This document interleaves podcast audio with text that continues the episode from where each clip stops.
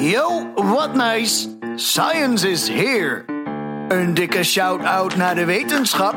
Dit is je favoriete podcast, Makkelijk Praten. Als je kijkt naar het risico van eenzaamheid op bijvoorbeeld vroegtijdig overlijden of vroegtijdig ziek worden, dan zien we dat uh, eenzaamheid, het risico daarvan vergelijkbaar is met het roken van 15 sigaretten per dag. Makkelijk praten. Makkelijk praten.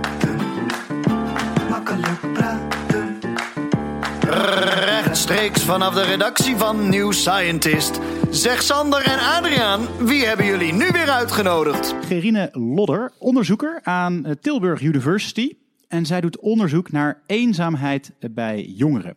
En um, zij is een van de vijf finalisten van de New Scientist Wetenschapstalent 2019 verkiezing, die overmorgen plaatsvindt. Nee, morgen. Ik zeg het helemaal verkeerd. Morgen vindt die plaats, ja, in Tivoli Vredenburg in Utrecht. Tijdens New Scientist Live. En um, zoals alle andere dagen deze week uh, spreken we dus uh, een van de finalisten in het kader uh, van die verkiezing. Um, en vandaag dus met uh, Gerine. Gerine, om te beginnen, welkom bij Makkelijk Praten. Dankjewel. Ja, welkom. Dank je. Leuk dat je er bent. Vind ik ook. Ja. Het mag ook wat gezegd worden. Ja. ja. ja. Leuk, ook leuk dat jij er bent, Sander. Nou, dankjewel. Ja. Aad, weet je, um, leuk dat jij er bent. Ja, oké. Okay. Dus uh, leuk dat, leuk dat het ook echt op prijs dat jullie er zijn. Ja, ja, ja, ja. zie je. Het zal wel heel vervelend zijn geweest dat jij hier was gekomen op het kantoor van New Scientist voor die opname en wij waren er niet geweest. Nee, ja, super jammer. Ja. leuk. Het is fijn dat we er, fijn dat we er allemaal fijn dat we zijn. allemaal tevreden zijn. Ook leuk dat jij er bent als luisteraar. Maar uh, laten we vooral verder gaan, Sander. Ja, dat is goed. Um, jij doet uh, onderzoek naar eenzaamheid bij jongeren. Weet je wat grappig is? We starten altijd de, de uitzending met een vraag. Leg even in uh, twee zinnen uit wat je doet. Maar dat vind ik eigenlijk bij eenzaamheid bij jongeren um, is best wel al. Nou, ik denk dat iedereen misschien wel een beetje een idee heeft. Maar toch, in maar twee zinnen. Ik denk toch dat het wel ja, verraderlijk kan zijn. Ja? Ook, Omdat ja. je juist denkt dat, het, uh, dat je denkt van oké, okay, ja, ik snap het. Maar ik denk dat uh, bijvoorbeeld het woord eenzaamheid aan zich is, is al niet zo makkelijk, denk ik. Maar dat gaan we zo meteen allemaal helemaal uh, horen, dus toch? Ja. Yes. Dus je bent het al met me eens, dat is lekker. Ja, ja. Ik sta al 1-0 voor op Sander deze aflevering. nee. Ja, nee, leg vooral uit. Ik ben ja. heel benieuwd. Ja. Nee, of waarom, waarom zei ik ben het me eens is, eenzaamheid uh, is niet hetzelfde als alleen zijn. Eenzaamheid is de subjectieve ervaring dat je te weinig of uh, niet go uh, goed genoeg kwaliteit van sociale relaties hebt, bepaalde sociale relaties. Dus er kunnen allerlei dingen zijn die je mist, maar in elk geval je hebt een tekort. Ik onderzoek hoe het kan dat jongeren eenzaam zijn, welke oorzaken daarvoor zijn. Uh, en ook vooral wat is dan het verschil tussen jongeren die maar tijdelijk eenzaam zijn, wat de meeste jongeren zijn, en jongeren die eenzaam blijven. Oké. Okay. Hey. Want, um, ja. nee, dat is, dat is wel goed. Dus je hebt inderdaad het uh, gewoon een soort van de feitelijke constatering dat je alleen bent. Gewoon even om het, om het een soort van beelden te maken. Dat je bijvoorbeeld, uh, ik noem wat, een tijd lang gewoon. Uh, je zou bijvoorbeeld ervoor kunnen kiezen om een tijd lang in je eentje op de hei te gaan wonen. Drie maanden. Ja. Dan ben je alleen. Dan ben je alleen. Maar dat wil niet zeggen dat jij het gevoel hebt dat je eenzaam bent. Da dan ben je niet automatisch eenzaam. En andersom ook. Je kan bijvoorbeeld, ik denk dat heel veel mensen wel eens ervaren hebben dat je op een feestje bent. En dat je je daar eenzaam voelt. Terwijl je omringd bent door anderen, ja. maar dat je toch ja. die ervaring eenzamer. kunt hebben. Ja, precies. Ja. Maar is, het, uh, is de ervaring van eenzaam zijn, is dat uh, ja, gewoon dat je inderdaad bepaalde sociale contacten mist, waardoor bijvoorbeeld ja, ik weet niet, misschien hormonen, hormonale balansen in de war raken? Of is de ervaring van eenzaamheid ook echt het besef dat je eenzaam bent? Ik begrijp je vraag niet helemaal. Is, is het besef dat je eenzaam bent, dat je echt bij jezelf het, het, het etiket eenzaam op kan plakken, is dat ook onderdeel van de ervaring van eenzaam zijn?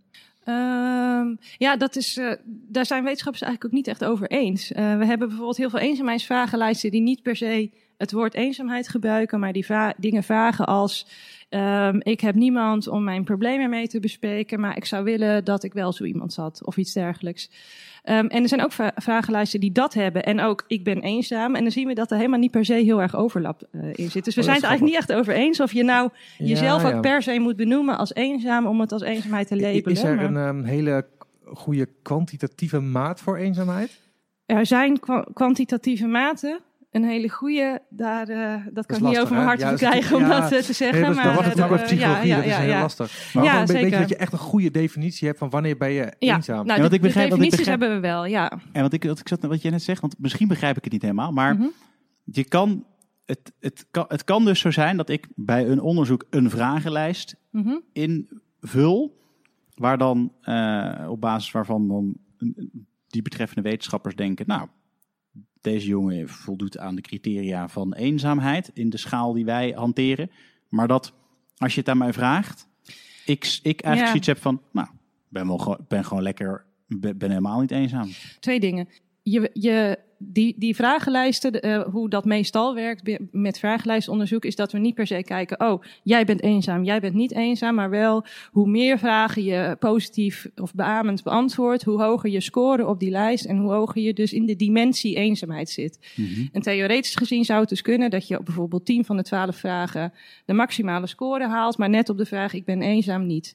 Nou, dan is Ja. dat iemand die zich super ellendig voelt, die ook echt wel voldoet aan die eh, ehm, omschrijving. Dus die wel die ervaringen heeft, maar die dat om wat voor reden dan ook zelf niet zo labelt. Maar dat is meer een technisch verhaal. Ja, oké. precies. Eh, als je echt Ja. zeker wil weten eh, of iemand zich eenzaam voelt, dan moet je dat gewoon vragen aan die persoon. En dat is de Ja. beste manier op individueel niveau om vast te stellen of iemand wel of niet eenzaam is, het gesprek daarover aan te gaan. Het is wel lastig om dat te duiden, denk ik. Want als ik even terug naar jou, jouw voorbeeld van het, van het feestje. Want die- dat denk ik je, je kan inderdaad wel eens op een, op een feestje terechtkomen. Of misschien eh, de eerste keer dat je na, naar werk gaat of zo. En dat je je ongemakkelijk voelt op die manier. Mhm. Maar dat, ja, is, is dat dan, probeer even te tasten, ben ik dan eenzaam? Ik Ja, kan. Het, het hoeft niet, niet alle negatieve ervaringen zijn ervaringen van eenzaamheid natuurlijk. Maar Nee. ehm, nou ja, ik ben zelf bijvoorbeeld pas verhuisd naar Tilburg. En Ja. misschien is het ook omdat ik veel met eenzaamheid bezig ben. Dus dat ik er het eerder signaleer bij mezelf.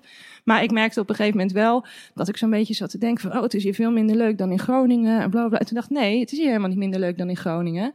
Eh, ik ben nu gewoon een beetje eenzaam. En ik moet nu Ah. gewoon investeren in contact met mijn nieuwe collega's... met mijn buurtgenoten enzovoort. Ja. En, dan gaat, en dat, is, dat heb ik gedaan en nu gaat het ook beter. Ja, Uh, dus dat is meer, dat is die tijdelijke, normale, adaptieve vorm van eenzaamheid, weet je wel. Die, die wordt ook wel met honger vergeleken. Van, honger is rot om te voelen, maar het is goed dat je het kunt voelen, want je hebt het nodig omdat je voedsel nodig hebt om te overleven. ja. En eenzaamheid is eigenlijk net zoiets. Of dat is volgens de evolutionaire theorie van eenzaamheid ook een waarschuwingssignaal van je lichaam. Van je hebt nu contact nodig. En in zo'n situatie bijvoorbeeld dat je net verhuisd bent en je eh, hebt ook daadwerkelijk minder contacten waarschijnlijk dan voor je verhuizing, dan is dat een heel adaptief, eh, positief feit dat je dat kunt ervaren, omdat je contact nodig hebt ook. Want Ja, mensen overleven niet zonder anderen. Maar wat niet per se positief is, en da- dat is wel de crux denk ik bij waarom eenzaamheid eh, belangrijk is, is dat er, er zijn ook mensen die van alles proberen om dat gevoel op te lossen, maar die niet alleen maar een aantal weken, een aantal maanden dat voelen, maar echt jaar in jaar uit eh, continu eenzaam zijn. Ook al proberen ze van alles te doen om dat eh, weg te nemen. En dan is er wel, dat is een probleem. En dat is zeg maar ehm, de groep mensen waar ik me zorgen over maak en waar ik eh, wat voor wil doen. Of waar, waarom ik dat onderzoek ook doe. En zijn dat, zijn dat er veel?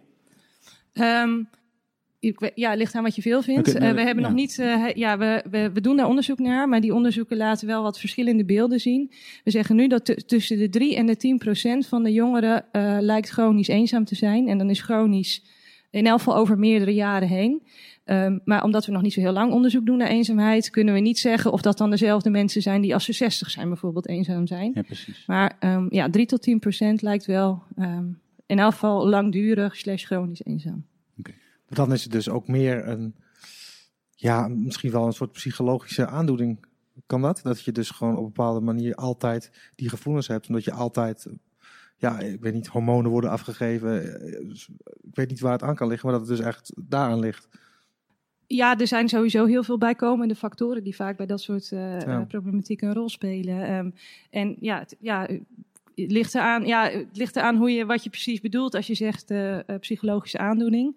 Eh, maar we zien inderdaad wel dat mensen die chronisch eenzaam zijn ook eh, bijvoorbeeld eh, veel meer geneigd zijn om situaties negatief te interpreteren en dergelijke. En dat zien we Ja, bij heel veel andere psychologische problemen zoals depressie natuurlijk ook terug. Als je, we hadden, is- je noemde bijvoorbeeld net honger. Mhm. Kan me, stel je voor iemand die heeft honger en, maar die, eh, en die eet, maar die blijft honger houden. Dan ben je dus ook Ja, maar dan dan, is dus dat een signaal soort- kapot eigenlijk Ja, of zo. Maar toch? is, Ja. maar, maar is dat, dat, bedoel, dat is eigenlijk Oh, de vraag, is dat bij hun ook ja, zo dan? Ja, ah, dat weet ik eigenlijk niet. Dat is wel een interessante vraag. Ja, ik, ja we, hebben wel. Ge... Nou, daar hebben we nog niet naar gekeken eigenlijk. Oh, kijk aan. Nee, ik, vind ja, ik zit nu te denken, misschien kan ik dat wel eens bekijken. Of mensen inderdaad die chronisch eenzaam zijn ook hogere behoeften hebben.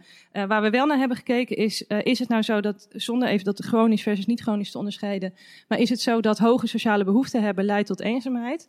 En dat is niet per se zo. Het is wel echt, uh, hoge sociale behoeften hebben is prima. Maar als je je behoeften niet kunt vervullen, dan gaat het mis. Dus het is Ja. niet per se van je hebt gewoon te hoge verwachtingen. Ja, precies. Dat, dus Ehm, het maakt niet uit in hoeverre je die verwachtingen hebt. Nee, nee, dus als je bij wijze van spreken zegt van nou, ik ben echt iemand die behoefte heeft aan één vriend en je hebt die ene vriend niet, nou dan kun je eenzaam zijn. Maar als je iemand bent die juist een heel ja, diverse input nodig heeft of zo en daar een tekort in hebt, dan kan je ook eenzaam zijn. Makkelijk praten. Is er, ja, dus het klinkt een beetje vreemd misschien, maar is er misschien een, een, een type dat sneller eenzaam is dan een ander? Eh, moet je, wat voor een opzicht kun je er aanleg voor hebben? Ja, nou, zo aanleg. eh, eh, we weten in ieder geval dat de verschillen tussen mensen, eh, of de schattingen van de verschillen tussen mensen eh, in eenzaamheid, wat daar genetisch in is, is ongeveer 50%. Dus 50% van de variantie in gevoelens van eenzaamheid kunnen we verklaren aan de hand van een combinatie van genen. Oh, Dus ja, dan is gene er ook wel- echt. ja. Dat, oh, dat is wel eh 50% vind ik nog best wel eh, ja, flink, maar dan ja. dus niet van, oh, je hebt het eenzaamheidsgen. Jammer voor jou. eh, het is, Nee. eh, ja, Een combinatie ja, van... eh, precies. ja. Combinatie van genen.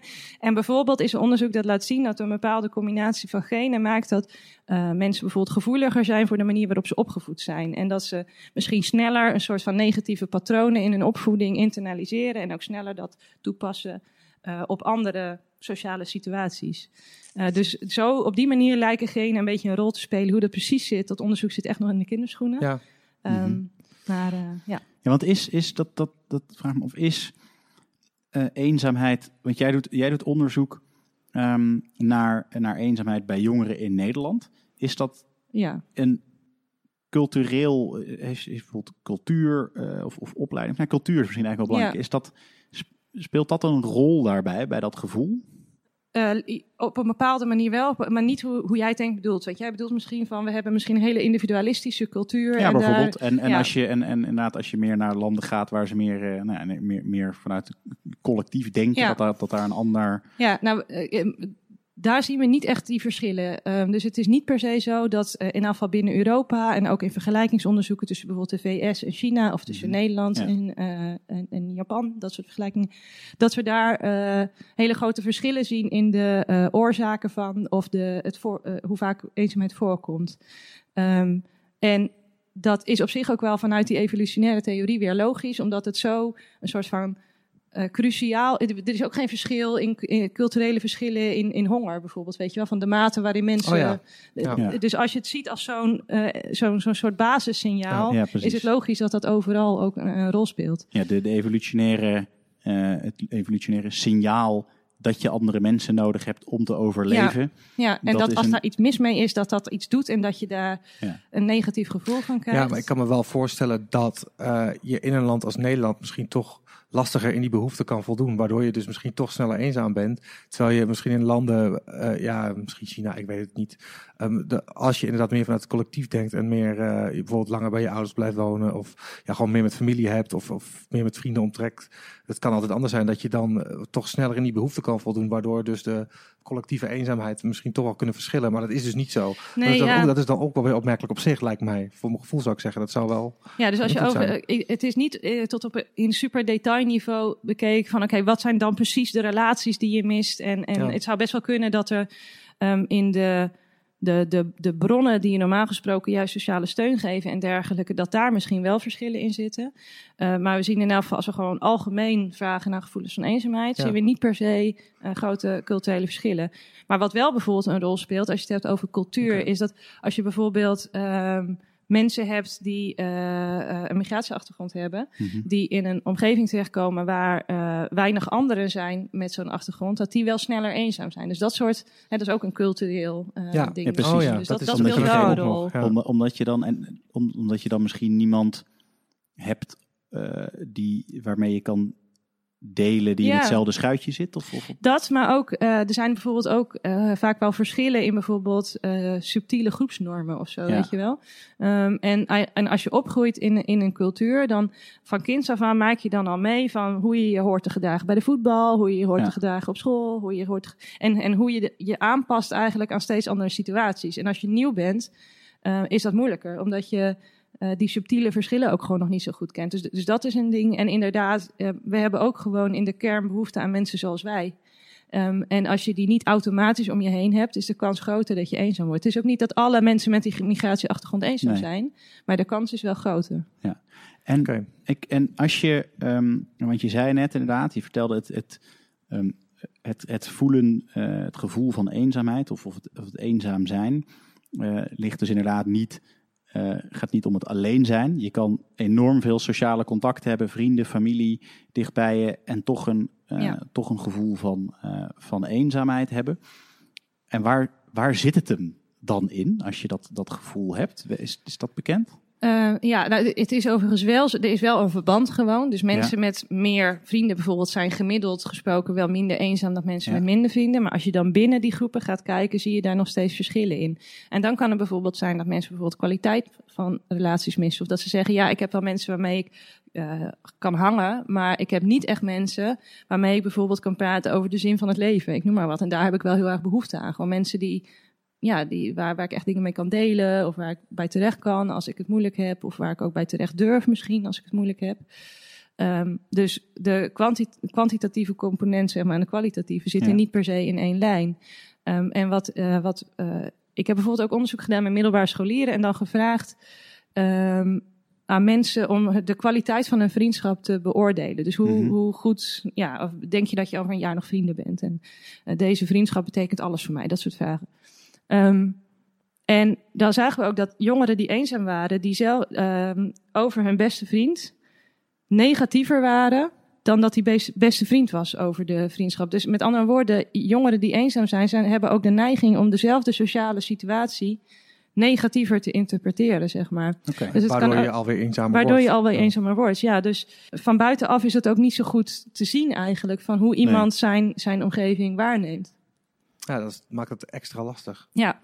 Want dit is, want dit, dit is een onderzoek wat je gedaan hebt. Waar, waar ben jij op, op dit moment specifiek mee bezig qua onderzoek? Wat is jouw onderzoeksvraag op dit moment? Op dit moment ben ik uh, bezig met uh, het voorbereiden van een onderzoek waarin ik uh, hele coole dingen ga doen, vind ik zelf. Nee, ik ga um, meer kijken naar dagelijks leven. Want wat we nu doen, we kijken vaak van, nou, dan gaan we naar bijvoorbeeld een school en dan doen we een vragenlijst en dan gaan we een half jaar later weer Mhm. en een half jaar later weer en dan kijken we voorspeld wat ik deed of vond of zei een half jaar geleden hoe ik nu ben.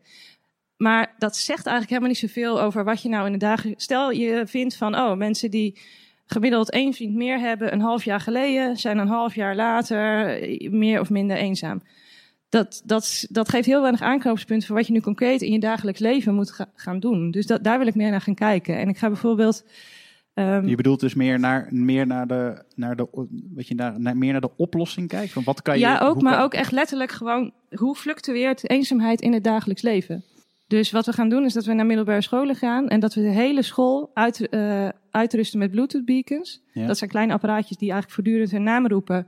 En afhankelijk van hoe sterk dat signaal is, um, is, is het. Andere apparaten vangen dat op, zoals een smartphone. Ja. En als ik dicht, dus bijvoorbeeld wij zitten nu best wel dicht bij elkaar. Dus als jij dat apparaatje hebt en ik heb een smartphone, dan is dat signaal super sterk. Er zit daar misschien aan de andere kant van het kantoor ook wel iemand.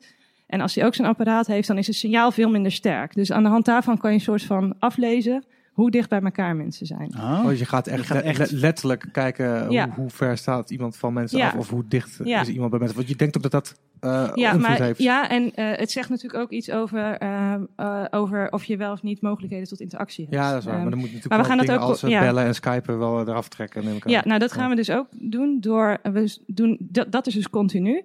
Maar we combineren dat met meerdere keren per dag, acht keer ongeveer, hele korte vragenlijstjes. Waarin we aan mensen vragen, hoe eenzaam ben je? Hoe voel je je nu?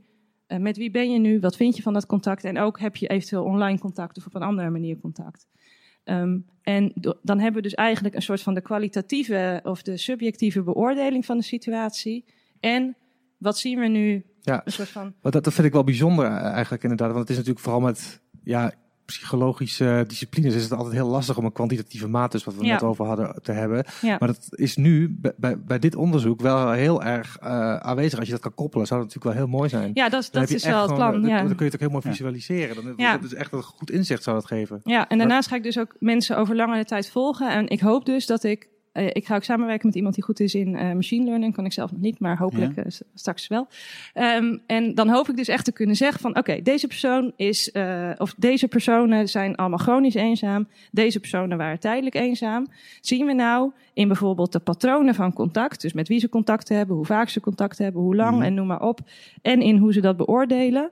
eh, kunnen we patronen ontdekken die verklaren waarom sommige mensen dus inderdaad tijdelijk eenzaam zijn en Ja. sommige Ja, langdurig. Dus dat je echt concreet bij wijze van spreken kan zeggen: Oh, jij bent een neurotisch persoon, dat weet ik niet meer. Laten Ja, we zo zie je er gewoon uit. Ja, zo zie je er gewoon uit. Ja. Ze, ze keek naar mij toen ze dat zei, Ja, voor de luisteraar. Ja, ja, ja, ja. Nou, ik ben redelijk neurotisch, dus dat klopt wel. Alleen, ja, ehm, ja, psycholoog, dat zie ik gelijk. Dus. nee, hoor, nee, nee. nee, maar dat, dat ik zou kunnen zeggen, nou, voor mensen die neurotisch zijn bijvoorbeeld, dan is het belangrijk dat je vooral heel divers contact hebt. Dus niet met één persoon de hele tijd optrekken, maar juist met heel veel verschillende mensen. Dit is gewoon een random voorbeeld en Ja. waarschijnlijk is het niet wat uitkomt, maar Ja. dat soort, dat we echt concrete handvaten maar kunnen geven. zijn er al eh, eh, aan- dingen aan die je mensen. al een beetje kan verwachten in deze? Of is het echt dat je gewoon echt Jawel. gaat zoeken naar patro patronen Nee, die ik je wil het allebei gaan doen. Nee, tuurlijk hebben we, heb ik ook wel gewoon hypothese die ik ga toetsen. Eh, maar ik wil, ik denk dat heel vaak de sociale en emotionele belevingswereld van mensen veel complexer is dan wat we nu hebben. Kijk, als onderzoeker, ik lees dan onderzoeken en dan denk ik, oh, misschien is dit ook wel zo. En dan ga ik dat toetsen en dan gaan we daarop verder.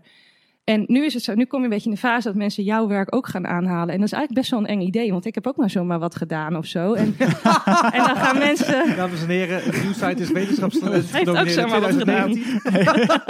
Heeft zomaar wat gedaan. Nee, maar ik had ook andere keuzes kunnen maken, Nee, zeg tuurlijk, maar. En ik weet zelf van, ik heb bepaalde paden losgelaten. Ik ben op andere paden doorgegaan. Ja. En dat doet de hele wetenschap. Dus daarom zie ik wel licht in dat bent machine natuurlijk learning. ook wel eh, eh, onbewust bekwaam in dingen. Dus, Tuurlijk, eh, nee, maar ik bedoel niet te zeggen van, ik, het doe het niet, ik doe, ik, ik bedoel niet te zeggen van, ik doe maar wat randoms, maar ik bedoel wel, kijk, we zijn nu op bepaalde paden als, eh, als discipline zijn we gaan wandelen. En er zijn misschien wel heel veel paden waar we nooit aan gedacht hebben, die, die wel heel belangrijk zijn. En bepaalde combinaties van dingen waar wij nu gewoon niet opkomen. En daarom wil ik het combineren, ja. Makkelijk praten. Wat doet social media in dit, eh, in dit perspectief van, ja van geen, eenzaamheid? geen makkelijke vragen. Nee, ja, ehm, Is dat daar zijn we- onderdeel van je onderzoek ook? Eh, nee, niet per se van mij. Ik ben nu wel eh, met wat dingen bezig, maar daar heb ik nog geen resultaat van. Ehm, mijn, mijn verwachting hierin is dat eh, online en offline eigenlijk helemaal niet zoveel uitmaakt. Maar dat Mhm. het gewoon is, hoe goed ben jij of hoe, hoe evalueer jij of whatever. Hoe ga jij om met je sociale omgeving? Dus als jij iemand bent die altijd geneigd is om dingen negatief te interpreteren, Ja. dan zal dat zowel online als offline een rol spelen. Oké. Ehm, en even meer zo van, wat, nou, wat weten we dan wel tot nu toe? Ehm eenzaamheid is niet toegenomen. Dus als social media de negatieve, zuigende kracht zou zijn die alle jongeren aanzet tot duistere gevoelens Ja. en eenzaamheid enzovoorts, dan zouden we vanaf 2012 of zo, toen, toen Facebook een beetje opkwam, Ja. een enorme toename in eenzaamheid hebben moeten zien, hebben we niet gezien. Dus dan kan het al niet zo zijn dat sociale media van zichzelf een soort van evile kracht zijn of zo, Nou, dat, weet je? dat vind ik wel interessant om te horen. Ik dacht ook dat, het wel, dat, het, dat mensen daar Ja. eenzamer van werden. Ja. Maar dat heb ik dus nee, maar verkeerd dus eh, het ligt, eraan, het ligt eraan hoe je. Ja, nou, je, je kan het heel goed gelezen hebben, want er zijn heel veel eh eh, krantenartikelen en zo die het wel laten zien, zelfs papers. Maar als je daar kritisch naar gaat kijken, zie je dat het eigenlijk best wel meevalt. Een tijdje terug waren er ook wel allemaal. Oh, social media zorgen ervoor dat alle jongeren ontzettend ongelukkig worden. En dan kijk je naar dat paper en zie je, ja, oké, dit is inderdaad een statistisch significant effect. Dus eh, in deze honderdduizend mensen waar dit is onderzocht, letterlijk, eh, Mhm. zien we inderdaad dat er wel een verband is. Maar als we eh, gaan kijken naar hoe groot dat effect is, dan hebben we het dus over een verschil van op een schaal van 1 tot 4 van 3,1 versus 3,0. Hoe gelukkig je bent. 3,1 Ja. of 3,0, weet je wel? Ja. Waar hebben we het dan over? En je kunt dan ook gaan uitrekenen van, oké, hoeveel uur meer sociale media moet je dan per dag consumeren? Wil het echt een minimaal waarneembaar effect geven? En dan heb je het echt over bijvoorbeeld vijf of zes uur per dag. En aangezien jongeren toch al bijna ja, voortdurend ook met online contact bezig zijn, is dat Ja. een verschil wat je in het werkelijke leven nauwelijks kunt waarnemen. Dus misschien zijn er wel statistisch significante effecten. Ehm, ja, niet jongeren willen ook altijd heel graag geloven dat het super slecht is. Ja. Maar ja, het is gewoon net als andere dingen in, het dagelijks leven. Voor sommige mensen zijn er positieve effecten, voor sommige mensen negatieve effecten. En het ligt er een beetje aan hoe je ermee omgaat. Ja. En er zit natuurlijk inderdaad wat je zegt, misschien wel een soort van generatievooroordeel in of zo met een eh, om, dingen af te doen Ja. op social media. Als, oh ja, kijk, weet je, het gaat nog Ja. alleen maar om uiterlijk. En er zitten een soort van heel veel aannames in. Eh, misschien. En eh, terwijl ik, ik dat denk ik. Want- ervaar want bijvoorbeeld als we, ook, ook wel heel erg dat ik dat gewoon om, zeg maar, mijn- misschien mijn vooroordeel weer, dat ik dan zie dat ik ook denk, ja, weet je, als ik dan eh, eh, zelf, nou, jongeren misschien niet helemaal meer, maar er zijn natuurlijk ook superveel mensen die bij elkaar komen omdat ze, ik noem wat, samen allemaal online gamen, die dat misschien vroeger, toen het er niet was, alle aansluiting met iedereen misten, omdat ze het gewoon niet zo, niet, niet zo goed waren in het, in het contact leggen, eh, gewoon buiten op het voetbalveldje, om dat maar te noemen. ja, dus het zou kunnen, hoewel we, dat, dat is eigenlijk de, de, ik geloof dat het de sociale compensatiehypothese of zo. Ja. Daar wordt eigenlijk ook weer niet zo heel veel bewijs voor gevonden. Dus ehm, het lijkt er gewoon een beetje zo te zijn dat gewoon hoe, wat of hoe jij offline bent. ehm, de- als je offline kei goed bent in contact maken, dan is de kans groot dat dat eh, online ook beter gaat. Ja. Nou, een heel ander voorbeeld, bijvoorbeeld cyberbullying. Mhm. Eh, meer dan 90% van de mensen die slachtoffer zijn van cyberbullying zijn ook offline slachtoffer van pesten. Dus het is gewoon, ja, wij zien dat dan. Ik denk, ja, jullie zijn een beetje dezelfde generatie als ik, denk ik. Van, Mhm. voor, voor mij is het nog echt wel een beetje iets anders, online en offline. Maar zeker bij jongeren zie je dat het gewoon één wereld is. En dat het, he- dat onderscheid helemaal niet meer zo relevant Ja, maar dat is is. waarschijnlijk ook omdat cyberbullying vaak eh, een vervolg is van pesten in het echte Precies, leven. Want ja. ik, ik pak je nog even ook op eh, Instagram of zo. Ja, bijvoorbeeld. En er zijn natuurlijk daar wel dat het blijvend is, bijvoorbeeld, is wel negatiever. Eén keer Ja. uitgescholden worden, Ja. dan, dan is dat Ja. daarna weg. En Ja, dat dat blijft. Dus ja. het is niet zo dat er helemaal niks negatiefs aan is. Maar ja, de dingen compenseren elkaar een beetje. En als ik naar mezelf bijvoorbeeld kijk, soms heb ik wel dat ik denk: oh, wat is iedereen toch gelukkig en blij als ik op sociale media kijk en ik zit hier maar in mijn vieze pyjama of zo. Ik weet niet, eh, wijn te drinken. Uh.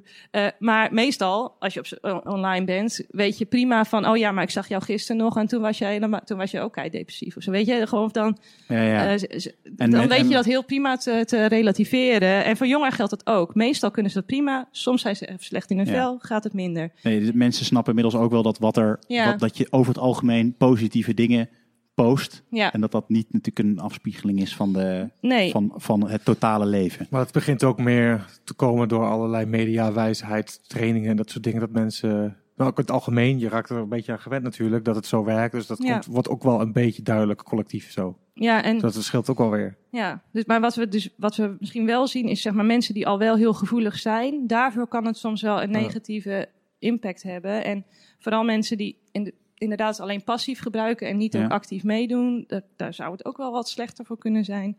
Ehm, maar ja, nogmaals, eh, hoe waren die mensen geweest als de sociale media er niet waren geweest? Ja, waren dat dan gelukkige mensen geweest of waren ze misschien ook ongelukkig geweest? Maar dan op basis van dingen die ze offline meemaakten. Ja. Ja, nou, interessant. Is er een ehm, effectief verschil tussen eenzaamheid onder jongeren en eenzaamheid onder ouderen? Als je gewoon kijkt naar, de, ja, het, naar het verschijnsel? Of is dat gewoon eigenlijk hetzelfde, maar dan op een, op een, op een andere groep? Ehm, meer dat laatste. Kijk, je ziet natuurlijk wel dat er andere behoeften zijn die onvervuld zijn eventueel. Ja, Kijk, voor jongeren kan bijvoorbeeld het overlijden van, van een ouder heel erg impact hebben. Voor ouderen misschien het overlijden van een partner. Ehm, voor jongeren is het bij een groep horen wat belangrijker dan voor ouderen, hoewel daar zeker ook een rol speelt. Dus dat soort verschillen zijn er wel, maar uiteindelijk komt het wel altijd neer op die negatieve emotionele reactie op een ervaren tekort, zeg maar. ja, ja. Maar en waarom is jouw onderzoek dan toegespitst op specifiek jongeren? Als je het ook bij Ja. ouderen zou kunnen onderzo- onderzoeken in dat geval. Nou, dat doen al heel veel mensen bij ouderen Oh, het ja, onderzoeken. En Nee, ja, waarom, waarom kies ja. jij voor jongeren inderdaad? Ja, nou, ik, ik moet wel eerlijk zeggen, ik ben er wel een beetje toevallig ingerold. Maar zodra Ja. ik daar eh, me mee bezig ging houden, dacht ik gelijk, dit is kei belangrijk. Of dit is super belangrijk. Dit is. Je mag kei belangrijk zeggen. Ja. Ja. Zeker, zeker nu je naar Tilburg verhuist. ja, precies. Nou, nou hoort als, het je gewoon, nu, hè? als je het nu niet zegt, zou Nee. gek zijn eigenlijk. Nee, ja, dan kijken ze met de nek aan. Hoor. Dat is wel. Nee. Ehm, nee, ja, de, eh, ik denk dat, eh, eh, dat we op lange termijn gewoon best wel veel problemen kunnen voorkomen. Ook in de mentale, eh, of de mentale Ja. gezondheidszorg, de gewone Ja. gezondheidszorg. Ja, je kunt natuurlijk Juist ook iets door- voor zijn. Ja, dat dat scheelt ook als je iets... Ja, Stel nou dat je jongeren echt de handvaten kunnen meegeven van oké, als je die gevoelens van eenzaamheid hebt, dit is wat je kan doen om daarmee om te gaan.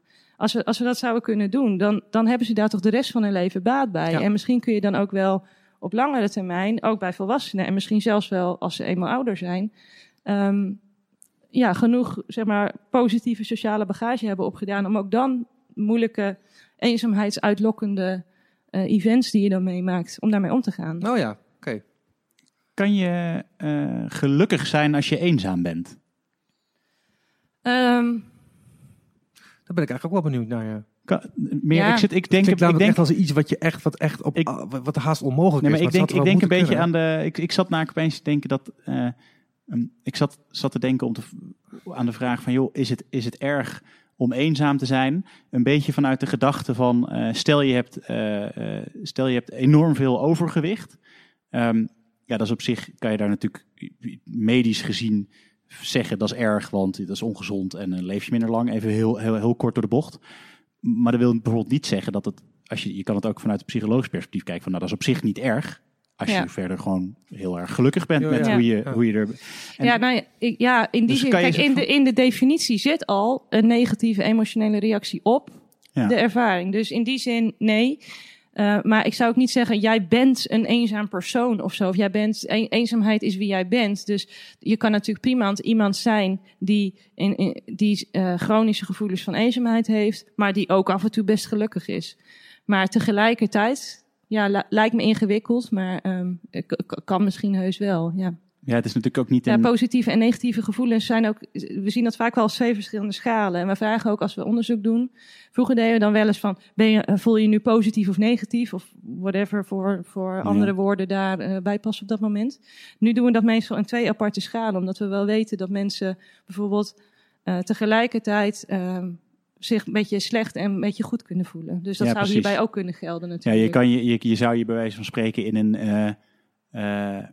Ik noem wat. In een, in een werksetting. eh, heel erg eenzaam kunnen voelen. Dag, dag in, dag uit. Omdat je, nou, om wat voor reden ook op werk. Terwijl als je thuis komt, je op zich gewoon eigenlijk goed voelt. Omdat je daar wel bent met, eh, met, een, met een partner en een gezin. En, Ja. eh, dat- en dat hoeft natuurlijk, dat kan gewoon naast elkaar bestaan. Ja, nou, ze- al- zeker als je het eh, tussenmomenten vergelijkt, dan is het Ja. absoluut. Ja, ik denk zelfs dat eh, de grote meerderheid van de mensen die eenzaamheid ervaart, ook heus geluksmomenten ervaart. Maar binnen hetzelfde moment, ja, misschien, misschien maar ik weet, ja, is dat, ik weet niet of dat heel relevant is. Maar. Nee, het is lastig. En misschien is het ook, misschien be- bekijk ik het ehm, eh, veel te veel als een, inderdaad als een soort van totaalplaatje. In Ja. plaats van, je bent natuurlijk niet, eh, het is niet, het is niet iets, iets statisch. Het Nee, het is zeker niet statisch. Ja, en dat eh, mijn collega's doen er ook onderzoek naar, onder uh, Eeske van Roekel. En die, die, die gebruikt ook al van die dagboekdata, wat ik net beschreef. ESM noemen we dat, dat je meerdere keer per dag eh, korte Ja. vragenlijst stuurt via de smartphone. En van hoe ontwikkelt zich dat dan? En je ziet inderdaad ook dat, binnen, dat er enorme variatie zit binnen personen in hoe eenzaam ze zijn. Of hoe eenzaam ze zich op bepaalde momenten voelen. En dan is het wel zo dat, men, dat er mensen zijn die eigenlijk bij wijze van spreken altijd een beetje wat hoger zitten in de, eh, in de schaal. En, en bijvoorbeeld variëren rondom drie. En andere mensen variëren rondom één. En die voelen zich soms nul en soms twee. En die mensen, andere mensen voelen zich soms twee en soms vier. Maar er zit altijd wel variatie in. Niemand is zeg maar een soort van altijd eenzaam of nooit eenzaam. Nee. Makkelijk praten. hey, als jij ehm eh, ehm, s ochtends opstaat en je gaat eh, naar de universiteit, hoe, eh, hoe ziet dan een normale dag voor jou eruit? Wat, wat, wat doe jij als onderzoeker? Je komt binnen, je pakt een kop koffie of thee. Ja. Ehm, nou, het ligt een beetje aan welke week ik heb. Eh, ehm, meestal begin ik met mijn e-mail. Ehm, Ja. En, eh, Dan social media. en dan mijn social media. Social media. Ja, precies. Nou, dan is het 12 uur. Nee. Dus, eh, Dan gaat, je, dan gaat, je, dan gaat jouw Bluetooth-pieper af Ja, dat, je, precies, dat, je te, dat je te weinig, weinig bij contact mensen heb te en weinig dan ga ik contact weer hebt eventjes... eh, Dan ga, dan ga ik lunchen. Ja, dan ga ik lunchen, ja. En dan is het tijd om naar huis te gaan. Nee, ehm, eh, nou ja, wat ik, eh, li- ligt er dus aan waar, waar ik mee bezig ben. Eh, eh, lesgeven is een ding, colleges voorbereiden. Oh, leuk. Ja, soms. Toch? Ja, Ja, eh, sociale relaties. Dat Ah, is eh, persoonlijke relaties. is het dat is onderdeel van? eh, Eh, ontwikkelingspsychologie. het is een bachelor, master. Ja, eh, bachelor. eh, ja, dus, eh dus een van de vakken in de eh, major ontwikkelingspsychologie eh, bij ons. Dus eh, die, die geef ik. Nou, en omdat ik, cool. eh, ja zeker. En omdat ik een eh, bepaalde subsidie heb, eh, geef ik niet zo heel veel onderwijs. Dus ik doe alleen dat en eh, scripties. Ehm, maar eh, ja, onderzoek, ja, soms eh, ben ik bijvoorbeeld bezig met het schrijven van scripts eh, om analyses te runnen. Op dit moment ben ik bezig samen met een studentassistent Georgia en Tess, de medewerker die pas bij ons is begonnen, om ook te werken aan het Bluetooth-project om te kijken naar wat zijn de goede Bluetooth-beacons, welke, wat zijn de voordelen van bepaalde soorten en wat de Ja. nadelen, dat soort dingen. Nou, dat is onder andere waar ik van de week mee bezig ben geweest. En ik doe veel met, ehm, of ik heb elke week wel een paar keer bijvoorbeeld een gesprek met iemand van de gemeente of eh, iemand van een vrijwilligersorganisatie of wat dan ook over ja, van eh, wa- waarover, waarvoor? Hoe, eh, eenzaamheid. eh. ja, maar ook voor, voor, over, over eenzaamheid? Ja, Ja, dat ja. wel. gewoon over die, maar over maar- parkeervergunning. Maar, iemand, van de, iemand van de gemeente wil dan iets wat, wat, wat, wat jij hebt gevonden implementeren? Of, eh, Ja, ja, of dus, ja, je merkt ook, eh, ik merk ook steeds meer nu, als mensen googelen eenzaamheid bij jongeren, dan komen ze ook wel snel bij mij uit nu, omdat ik een van de weinige mensen ben die eh, daar eh, onderzoek naar doet. Maar er zijn dus eh, ja, heel, veel, heel veel vrijwilligersorganisaties, eh, eh, geestelijke gezondheidsinstellingen, gemeenten zien ook gewoon dat eenzaamheid bij jongeren een probleem is en dat er nu eigenlijk nog niet echt iets voor gebeurt. Dus er zit ook wel heel veel ehm, ja, wil om daar iets mee te doen. Er gebeurt veel op dit moment in het land met mensen die hier graag wat mee willen. En ja, ik probeer daar voor zover mogelijk eh, eh, advies in te geven. Lukt niet altijd. En Ja. eh, zeker de Mhm. praktische vragen heb ik vaak gewoon nog geen antwoord op. Ehm, Maar, Maar- dat komt wel. er komt wel, ja, de, ja, hoe meer. en ik heb wel van, ja, eerder was ik heel erg voorzichtig van, laten we vooral eerst alles heel erg verder onderzoeken en dan pas iets gaan doen. Maar nu denk ik, nee, weet je, dit probleem is gewoon te groot. Laten we maar gewoon beginnen met wat we hebben, roeien met de riemen die we hebben. En als we gaandeweg extra kennis opdoen, dan gaan we dingen wel veranderen. Maar nu, we moeten nu iets. Het is nu, er is nu bijna niks, of in sommige gemeentes helemaal niks. En we moeten iets. Dus Ja. laten we maar gewoon beginnen. Ja, en vaak krijg je dan ook wel weer, ook voor die gemeentes, die krijgen dan ook wel weer wat ervaring met hoe ze met dingen om moeten gaan. Dus het is sowieso goed Ja, om te beginnen. En Precies, daarna, en dan kan ook je, uitwisseling zijn. spelende wijs leren we Ja. ook. Ja. Ja, en heel veel, eh, de neiging is vaak om te zeggen van, oh, eenzaamheid, weet je wat we gaan doen? We hebben een interventie en er is altijd een variant op, laten we alle eenzame jongeren dan maar gewoon bij elkaar brengen. En ehm, dan kunnen ze mooi met elkaar vrienden worden en dan is het opgelost. Eh, nou, dat is, daar is al wel onderzoek naar dat dat niet zo goed werkt. En dat is ook wel logisch. Als je bedenkt dat er vaak ook gewoon een, een dieper onderliggend probleem is voor die chronische eenzaamheid. Dus Ja. bijvoorbeeld zo'n negatief gedachtepatroon of sociale vaardigheidsproblemen. Als je dat niet aanpakt, hè, iemand die bijvoorbeeld hele slechte sociale vaardigheden heeft, die niet weet hoe hij een gesprek moet beginnen. Nee, als je daar er tien van in een ruimte zet, Ja, dan gaat het Succes. niet. Dan Ja. wordt het geen feestje. Nee, er wordt Nee. geen feestje. Nee. Nee, dus, en dat soort dingen, nou, dat, daar kan ik dan wel eh, soms eh, zeggen van, nou, misschien is dat niet het eerste waar we aan moeten denken als we in deze gemeente eenzaamheid willen gaan aanpakken. Ehm, Het is wel een soort. Ik vind het gewoon grappig bijna dat er op die manier over nagedacht wordt of ja, zo. ja, ik vind het ook wel logisch, omdat mensen dan bij zichzelf denken van, oh, maar ik was toen en toen ook eenzaam. Wat hielp mij toen? Oh ja, toen hielp het mij heel erg om bij de lokale eh, koekenbakkenclub te gaan of zoiets. Ja. Ehm, Ja, het is ergens ook wel weer vertederend. Want ze willen Ja. wel gewoon helpen. Alleen Ja. ze moeten gewoon even leren dat het niet zo makkelijk is. Maar Nee, daar, daar ben nee. jij dan voor. Ja, dus ja, dat is, nou eh, ja. Dat is toch heel mooi, ja. ja. Als je daar aan bij kan dragen, lijkt mij wel echt heel tof.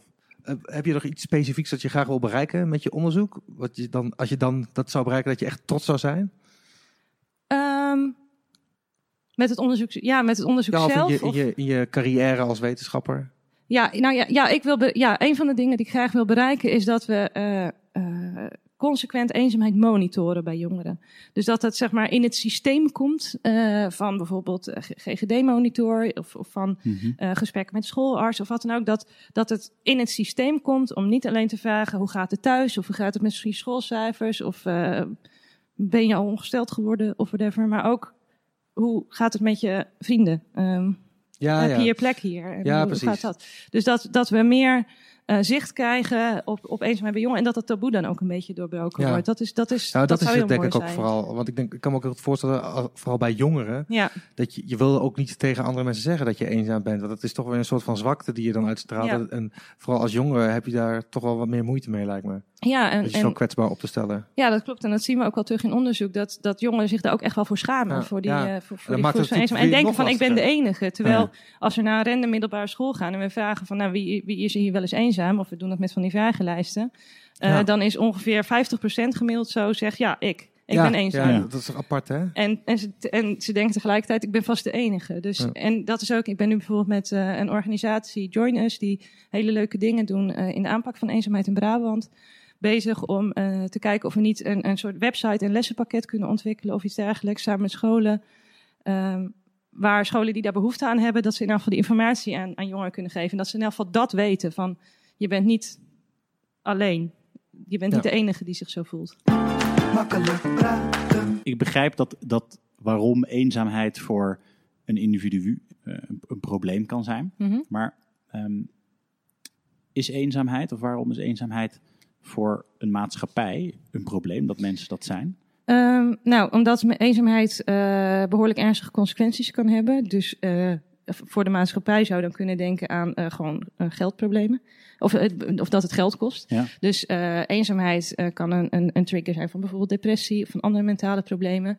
Eenzaamheid heeft eh, eh, fysieke gevolgen. Dus bijvoorbeeld eenzame jongeren slapen gemiddeld minder goed. Nou, je, we weten allemaal hoe belangrijk slaap is Ja. voor ons functioneren. Eh, als je op langere termijn kijkt, eenzaamheid eh, hangt samen met hart- en vaatziekten.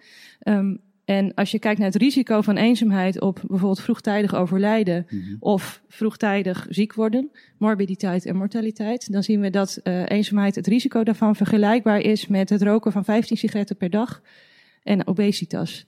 Dus het heeft waanzinnige impact eh, op je lichaam. ja. Ja. Ja. maar ook dat is weer logisch als je het vanuit dat evolutionaire perspectief bekijkt. Ja.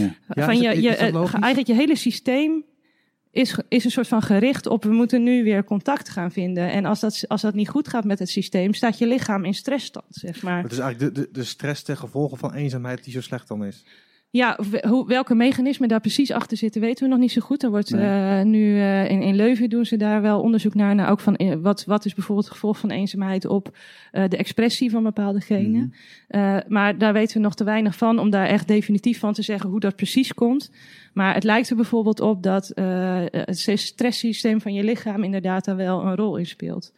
Ehm, en nou, nou, je vroeg net naar wat is, het- waarom is het zo belangrijk voor de maatschappij? Nou, dit dus, maar ook ehm, bijvoorbeeld eh, als je naar jongeren kijkt, schoolcijfers zijn gemiddeld lager. Ze, Mhm. vallen sneller uit bij school, ze, ze worden eerder delinquent, eenzame jongeren enzovoorts. Dus nou ja, je hebt mentale gezondheid, fysieke gezondheid, hoe ze het doen in de maatschappij. Volgens mij zijn dat allemaal dingen die we juist Ja. super belangrijk vinden bij jongeren die opgroeien. Dus, en eenzaamheid heeft op al die dingen impact. Ehm, Ja. Maar we hebben daar in vergelijking met fysieke gezondheid en eh, mentale gezondheid, voor het sociale stuk, sociale gezondheid, nog te weinig aandacht. Maar er is dus ook wel veel winst te halen. Dus dat is dan weer positief. We- Wist jij, ehm, wist je al van jongs af aan al dat je wetenschapper wilde worden? Nee, nee. eh, sterker nog, ik was niet zo'n hele goede student. Eh, ik eh, ging bijna nooit naar college. Eh, en ik was meer eh, andere dingen aan het Nou, doen. dat vind ik echt zo Eh, gek. ja, mensen die ja, ja, ja, echt helemaal niet. Nee. Nee, hè? Nee. nee, en ik wist dus ook niet dat de research master bestond bijvoorbeeld. Want dat hadden ze dan in heel veel colleges uitgelegd, maar daar was ik er niet bij. Eh, dus, eh, dus ik heb eerst ook een gewone master gedaan. En toen, tijdens mijn scriptie, had ik echt van, wow, dit is super cool. En toen kwam ik ook achter dat er een research master was. En daar viel echt alles op zijn plek. Want ik had ooit zo'n droombeeld dat je, dan ga je naar de universiteit. En dan zit je daar met z'n allen onder een boom na te denken over de dingen. En eh, met z'n allen ja, soort van tot inzichten te komen en dingetjes uit te zoeken. En dat was helemaal niet zo. En toen ging ik de research master doen eh, en later mijn PhD en nu aan het werk. En nu, ja, nu voelt het echt van, oké, ik ben hier zo op mijn plaats. Ik word nu gewoon betaald om dingetjes uit te zoeken. Hoe mooi is dat? gewoon, dat gewoon, Ja, dat gevoel lijkt me ook wel heel Ja. lekker. Ja. ja.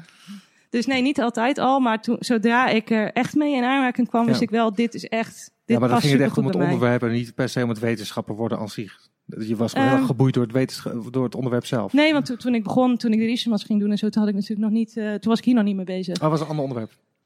Ja, of dat was gewoon een studie. Dus dat, eh, dan heb je allerlei onderwerpen. Maar eh, ik dacht bijvoorbeeld ook altijd dat ik heel slecht was in statistiek. En toen nou, moest ik al mijn statistiekvakken nog inhalen aan het eind van mijn bachelor. Omdat ik dus, zoals gezegd, niet zo'n hele goede student was. En toen ging ik daar eindelijk in verdiepen. En toen dacht ik, well, eigenlijk vind ik het best wel leuk. En eh, Ja, ja, zo langzamerhand... Statistiek, sti- statistiek ook best wel leuk eigenlijk. ja, nee, ja, oprecht, ja. Ja. Nee, dus het past gewoon supergoed bij mij. Want ik vind, ja, ik, ik ben nieuwsgierig. Ik vind het leuk om dingen uit te Ja. zoeken. Ehm, ik, ja, ja, en in heel veel omgevingen wordt dat heel erg irritant gevonden. Om eh, een beetje bedweterig te zijn of zo. Want Dat, dat past ook wel bij veel wetenschappers, denk ik. Of om altijd te vragen, ja, waarom dan? Of hoe zit dat dan precies? En eh, bijna nergens is dat gepast. En, en als onderzoeker is dat precies wat van je verwacht wordt. Dus ja, perfecte omgeving. Dat is ook wel een mooie eh, beschrijving. Die heb ik nog niet gehoord. Dat, het, dat je een beetje bedweterig moet zijn van Ja. wetenschap. Dat Ja, ik juist, weet ook niet of het moet, maar nee, ik, ik ben het wel een denk beetje dat het misschien. een dus, eigenschap eh, is die je als wetenschapper goed kan hebben. En dat, het, Dat je helpt bij in andere omgevingen Ja. dat je tegen kan werken. Ja, want weet je, ik, mensen zeggen vaak dat ik bedweterig ben, maar dat bedoel ik helemaal niet bedweterig te zijn. Maar dan stel ik gewoon heel veel vragen Ja, en dan lijkt het of ik er mening over heb. Ja, Ja, ja, precies, ja, dat is het gewoon. wel. Ja. Ja. Ja. Misschien moet je wetenschapper worden. Nee, ik, heb het, ja, ik herken dat wel, de irritante eigenschap dat je altijd, ehm, of of dat, laat ik zo zeggen, de eigenschap die sommige mensen irritant vinden, dat je Ja. inderdaad altijd vraagt waarom, of als iemand zegt, nou dit en dit, en dat je zegt, oké, waar heb je dat vandaan? Weet je, Ja, dus en hoe zit het dan met ja, de- deze ja, uitzonderingssituatie? Ja, Ja. dat is ook wel een- manier van intoneren, denk ik. Maar, ehm, Dat mensen mij vervelend vinden. nou, als je zegt, ja, maar waar heb je dat vandaan dan? Of hé, hey, maar eh, waar heb je dat vandaan? Dat is natuurlijk wel een verschil. En er is ook een verschil tussen waarom, zoals kinderen Ja. altijd zeggen. Maar waarom dan? Maar waarom dan? Maar waarom dan? Maar waarom Ja. dan? ja. Dat denk je niet? Nee, zeker. Ja. Dat is ook zo. Ik denk dat eh, op, op de bedweterige noot ehm, zijn we denk ik aan het einde gekomen van, eh, van deze speciale aflevering van Makkelijk Praten, die in het teken staat van eh New Scientist Wetenschapstalent 2019. Gine, omdat jij eh, te gast wilde zijn, hebben we voor jou deze fantastische, the one and only, Yes. Makkelijk Praten We zijn hem eindelijk een keer niet vergeten. mok. Superleuk, dankjewel. We hebben hem bij ons. Ja. Hij bestaat dus echt. Ja. Je hoort hem kraken, althans de verpakking. Hij mag gewoon uit het plastic hoor. Hoeft Yes. niet, eh, je hoeft hem niet per se in je vitrinekast eh, neer te zetten. Je mag hem gewoon gebruiken. Ik heb serieus een vitrinekast thuis, dus daar, daar, kan niet in. Ik spaar rare dingen. Dus, eh, nou. Oh, nou, dat is zo raar is hij toch? Nee. nee, misschien past hij daar helemaal. gewoon een nee. normale witte, witte. Gewoon een met, mokkie. eh, met opdruk. Ehm, morgen eh, zijn we er weer met eh, de allerlaatste aflevering. Ja. Met eh, Ali de Boer van Maastricht University. En zij doet onderzoek naar gezondheidsclaims op, eh, eh, op voedsel. En op het eten dat wij kopen. Dus de juridische aspecten van, van, van, van voeding. Mooi. Ehm, wil jij Grine of Ali of de andere finalisten in het echt meemaken? Dat kan. Dan moet je even naar eh newscientist.nl slash live gaan om als de wielen weer kaarten te bestellen. Dan kan je er deze vrijdag nog zijn in Morgen. Tivoli. Oh, morgen ja. Dat is zo. Dan kan je er morgen zijn in Tivoli Vredenburg in Utrecht. Ehm, en voor die tijd en daarna volg ons op Spotify, iTunes en alle andere podcast apps. En natuurlijk op onze social media kanalen. Twitter, Instagram, Facebook, LinkedIn. Staan we, er, staan we nog ergens anders op? Eh Poeh, MySpace. Dat wil ik er altijd even bij doen. Ik, Staan we altijd... Ah, komt, dus de stofzuiger Ah, komt binnen. kijk, Eh. Dat is een teken dat we moeten afsluiten. Denk het ook, ja. Eh, spam mag naar makkelijkpratenpodcast.gmail.com. We hebben namelijk een spamfilter, dus dan komt Ja. daar netjes in Ja. terecht. Dankjewel daarvoor nog. Ja. mooi vol. Thanks. En ehm, deze Makkelijk Praten eh, werd mede mogelijk gemaakt door New Scientist. Tot morgen. Tot morgen. Doei. Doei. Doei. Tot de volgende!